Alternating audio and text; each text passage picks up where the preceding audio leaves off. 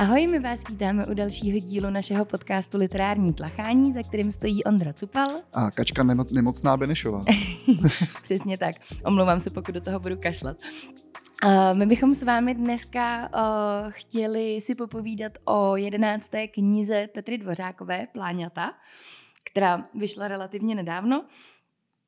A Nejdřív asi něco o autorce, jak je naším, naším dobrým zvykem, takže úplně základní info. Petra Dvořáková se narodila v roce 1977, pochází z Vysočiny, konkrétně uh, z Laviček u Velkého Meziříčí.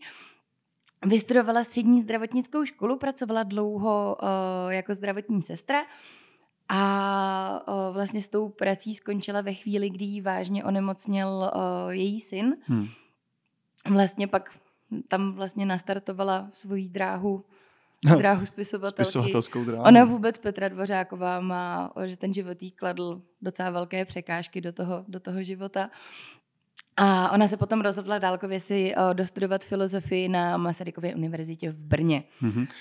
Můžu ti do toho Určitě. už skočit. První knížka, kterou se Eh, na kterou, kterou na sebe upozornila, eh, je kniha rozhovorů Proměněné sny, za kterou získala eh, magnézi literu a ta knížka je knihou rozhovorů s mladými lidmi, kterým vstoupilo do života náboženství a nějakým určitým stylem uh, jim ten život eh, ovlivnilo uh, ve skrze negativně, dá se říct. Dá se říct. Ono totiž, uh, já ti do toho taky teďka skočím, uh, ona totiž Petra Dvořáková vlastně z církví jako takovou má docela zajímavou zkušenost, a to ona ve 14 letech uh, vstoupila do kláštera, konkrétně do kláštera sester Těšitelek v Rajhradě. Hmm. Uh, já když jsem si o tom četla, tak ve 14 letech mě to hodně překvapilo. Ona sama říká, že uh, jim to doma úplně neklapalo, a navíc to ještě bylo v 90. letech, kdy vlastně o, spousta těch řádů o, za komunismu o, byla, byly zakázané a vlastně v těch 90. letech nabírali nové členy hmm. ve velkém. Takže ona vlastně vstoupila na čtyři roky, na čtyři roky do kláštera. Sama i říká, že jí vlastně ten pobyt v klášteře trošku vzal pubertu, že to byla hodně tvrdá dřina, že po škole vlastně hnedka uh, tam měla pracovat a průměrný věk v tom klášteře bylo 70-80 let, takže to pro ní muselo být opravdu náročné. A v no, 18... jak to muselo být pro ní náročný doma, když do toho kláštera vstoupila? To je pravda. To, to je, je asi ten důvod toho, proč píše a o takových věcech, o kterých píše. O kterých píše. Ona vlastně z toho řádu byla v 18 letech, po čtyřech letech, co tam byla, tak byla vyloučena. Uh, sama v nějakém rozhovoru říkala, že uh, si nějaká uh, holka vlastně vymyslela, že ji viděla ve městě s klukem, to byl ten důvod. Hmm. Ale ona sama říká, že o, díky své povaze by dřív nebo později o, Vestak z toho kláštera asi pravděpodobně odešla. A hrozně hezky o té víře a o té církvi mluví v tom smyslu, Uh, že jak to doma nebylo úplně v pořádku, uh, ona byla frustrovaná, nějakým způsobem jí chyběla ta láska, tak uh, vlastně si to hodně nahrazovala tou církví, že chodili do kostela, ona měla pocit, že vlastně teda v té církvi jsou všichni strašně hodní a že tam najde to, co vnitřně hmm. chybí, eh, má pocit, že jí chybí. Jo. A moc se mi líbí, uh, že sama prožila nějakou deziluzi z té církve a líbí se mi, že o tom přesně mluví, takže spousta uh, třeba farářů nebo nějakých církevních představitelů nemá dostatečné vzdělání že mi ta její kritika přijde vlastně dost konstruktivní. No, tak ona minimálně si tím prošla a ví teda, o čem mluví. Ono to bylo docela patrný i v románu Zahrada, na který jsme mm-hmm. dělali podcast mm-hmm. v loňském roce. A tam vlastně ten, ta hlavní postava, ten kněz, odešel ze stejného důvodu. Nebo ze stejného.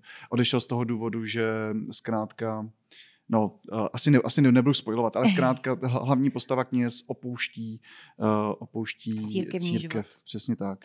A z nějaký deziluze. No, pokud no. mluvíme o tom, že o, autorka má s něčím osobní zkušenost, tak nejvíc to asi platí o té další knížce, kterou napsala. Já jsem hlad.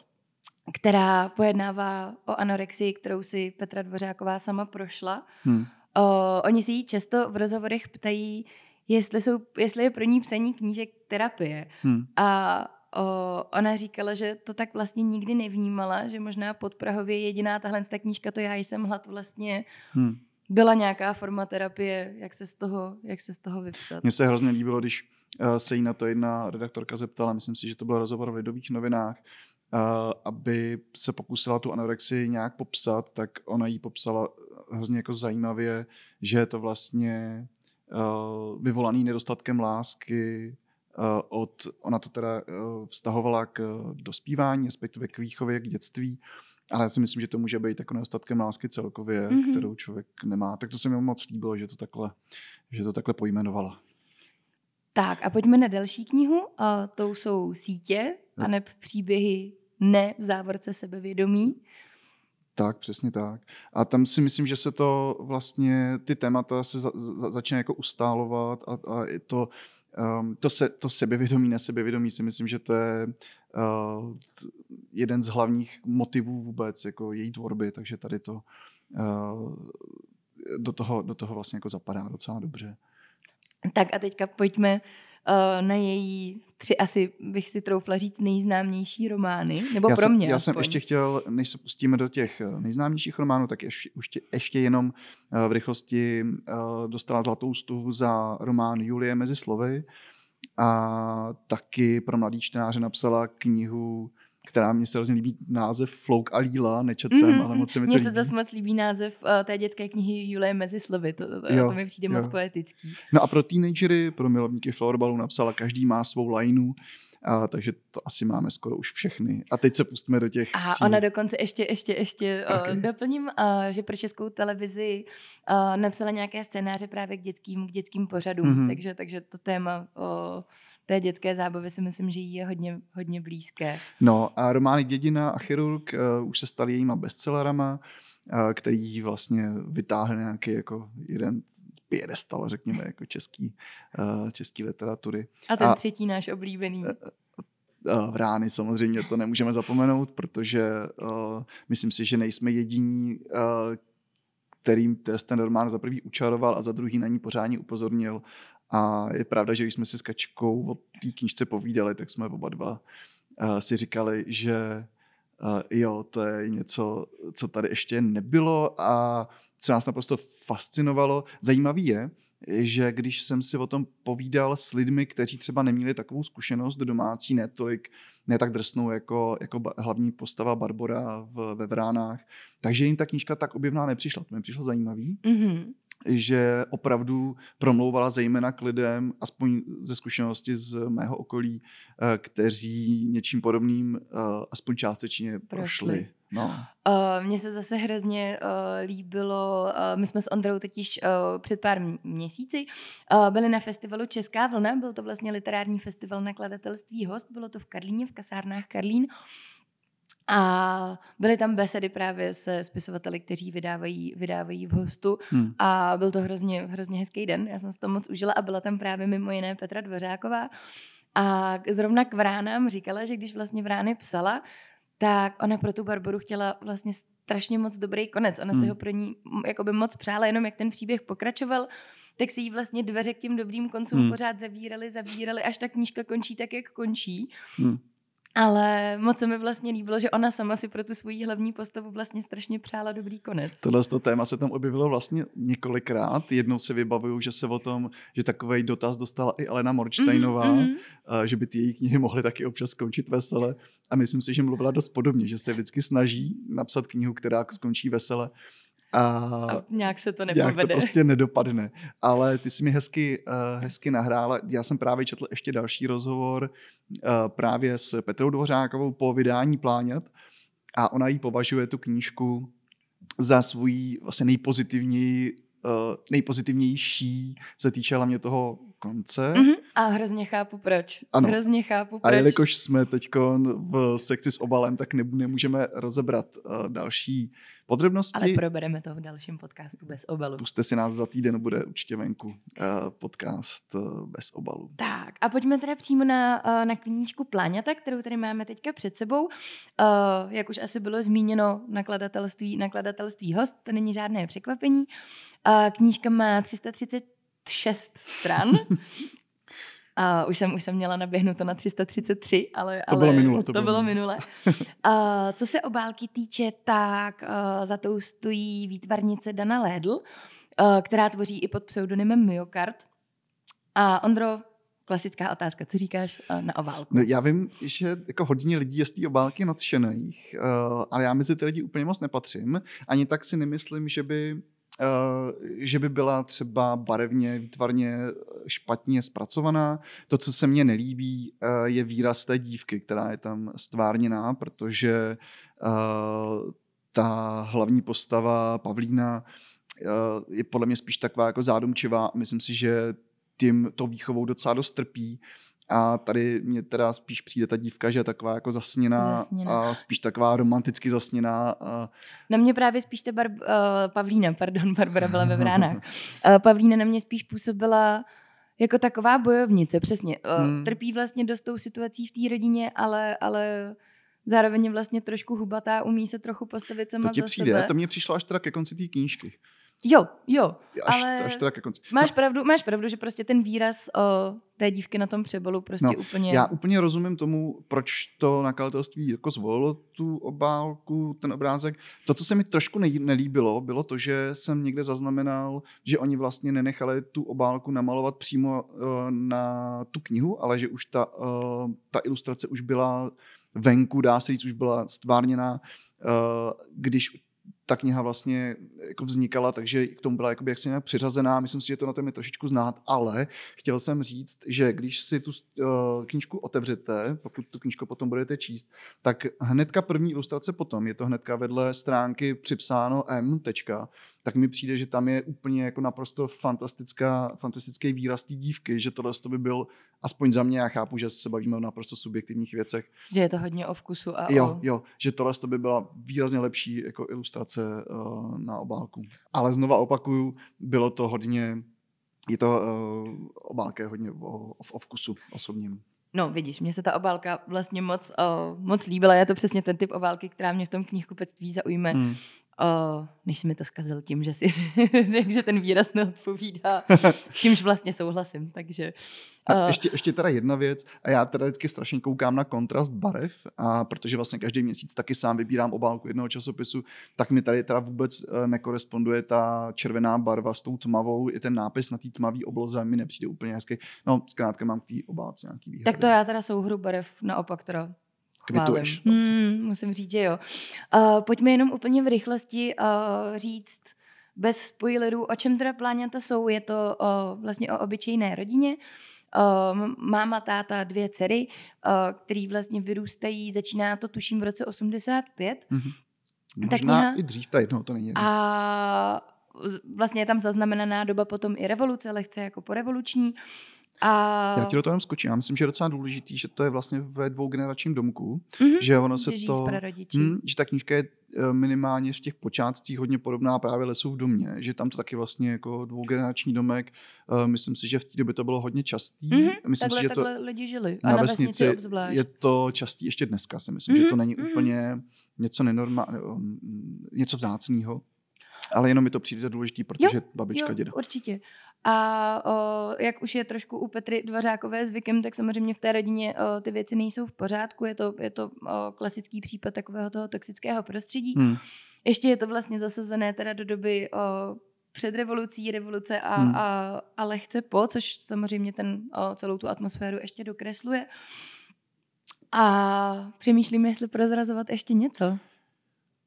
Já jsem jenom napadlo jako slovo, že tam vlastně jako dá se asi ještě prásknout to, že v tom hraje velkou roli určitá jako deziluze z eh, právě z příchodu uh, demokracie.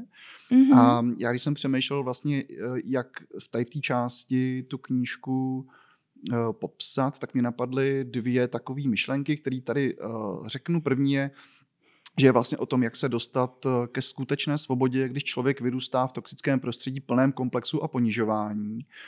A uh, druhej, uh, druhá myšlenka, která mi k tomu napadla, je, že je to vyprávění o tom, jak těžké je vymanit se z, průměr, z podprůměru, když vás pod ten průměr stlačují vlastní rodiče. Tak to mi vlastně přijde, že tyhle, to, ty, ty, tyhle ty dvě věci to nejlépe charakterizují. Ne, nejlépe charakterizují.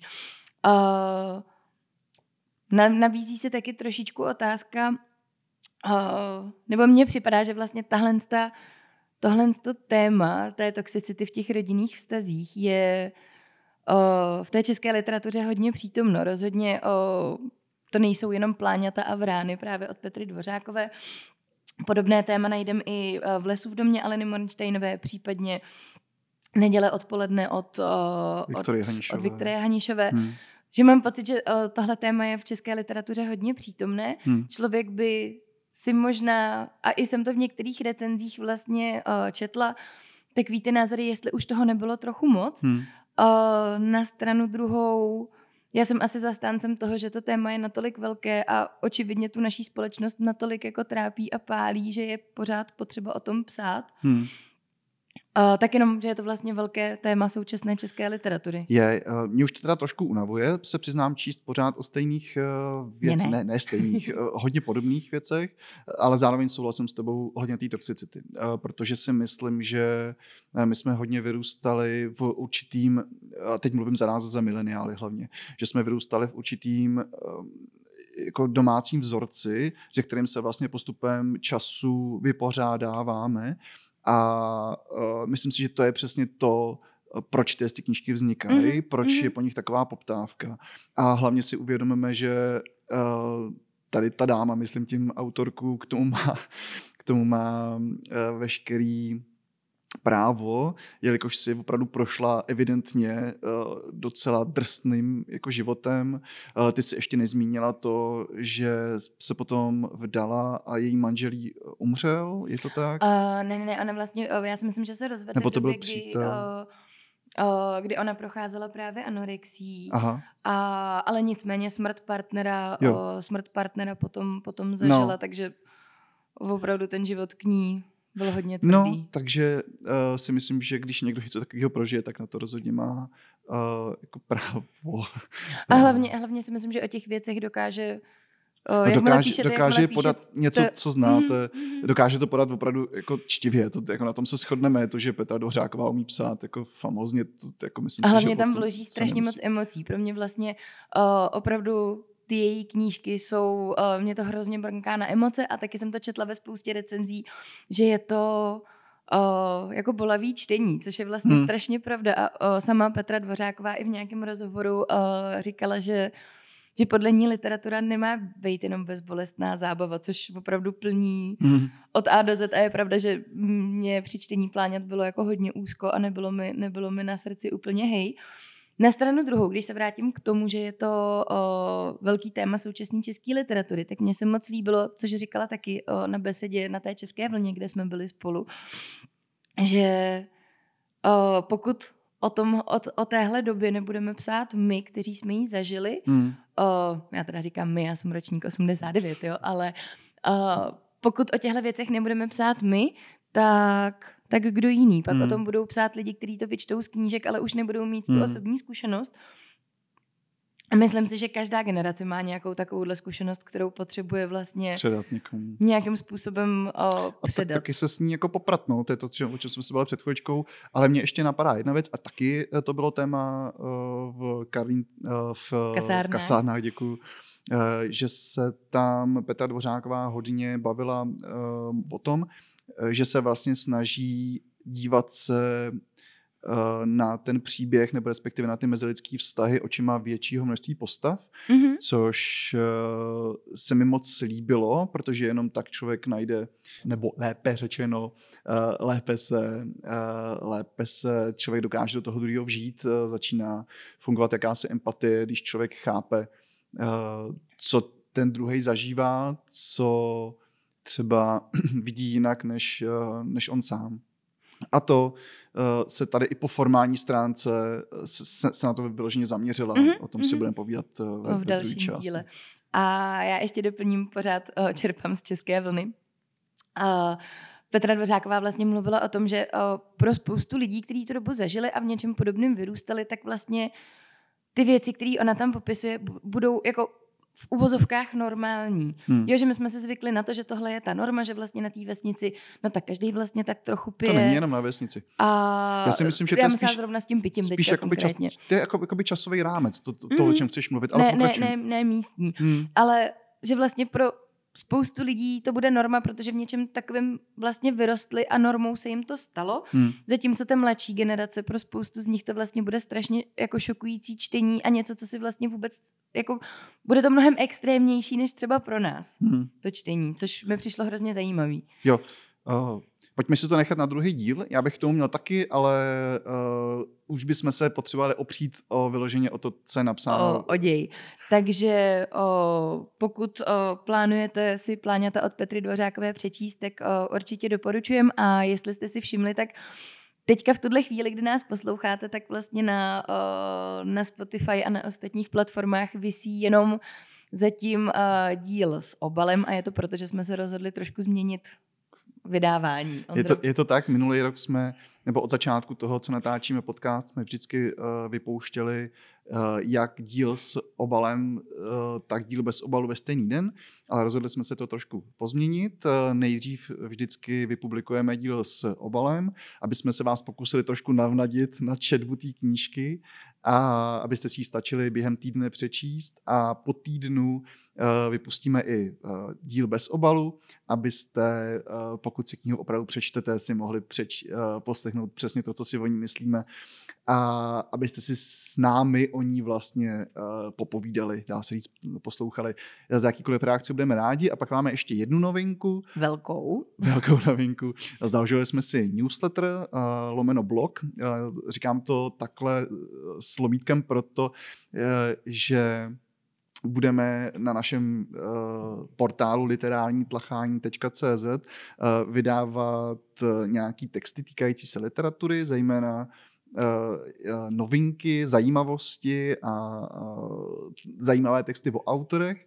A zároveň tam budeme psát naše vlastní takový soukromý mini, nechci říct recenze, to je slovo, který já nemám rád, protože nerad recenze čtu, jako takový klasický hutný texty opravdu nemám úplně rád. Navíc já mám pocit, že, ta, že recenze už se dneska stávají spíš jakýmsi psychologickým, uh, s psychologickou snahou jako porozumět něčemu, co v těch dílech mnohdy ani jako není a uh, recenzenti tam podle mě jako příliš mnoho uh, hledají mnohdy zkrátka, co tam jako uh, ten ani sám autor jako nechtěl dodat a já chápu, že se snaží udělat různý uh, různý spojky mezi tématy a, a, a tak, ale myslím si, že ten čas Uh, no, teď jsem se o to máčko zamotal, long story short, uh, snažíme se uh, zkrátka ty naše recenze nebo spíš textíky o knížkách uh, psát maličko jinak, uh, jenom se budeme držet vlastně podobných, podobného formátu, který jsme nastolili tady u podcastu. To znamená, že když přečteme si sami nějakou knížku, napíšeme o ní malinký článeček s obalem a potom malinký článeček bez obalu. A tak to je ten blog a newsletter vám bude chodit jednou za dva týdny, vždycky, když budeme mít pocit, že je něco hodně jako zajímavého, co, bys, co bychom chtěli zvýraznit, tak budeme rádi, když se přihlásíte k odběru. Přesně tak a moc se na to oba dva těšíme, máme z toho velkou radost. Je to tak. tak jo. Děkujeme moc za poslech a budeme se teda uh, těšit, těšit za týden. Za týden u dílu uh, bez obalu. Bez Mějte obalu. se moc hezky. Ahoj, ahoj.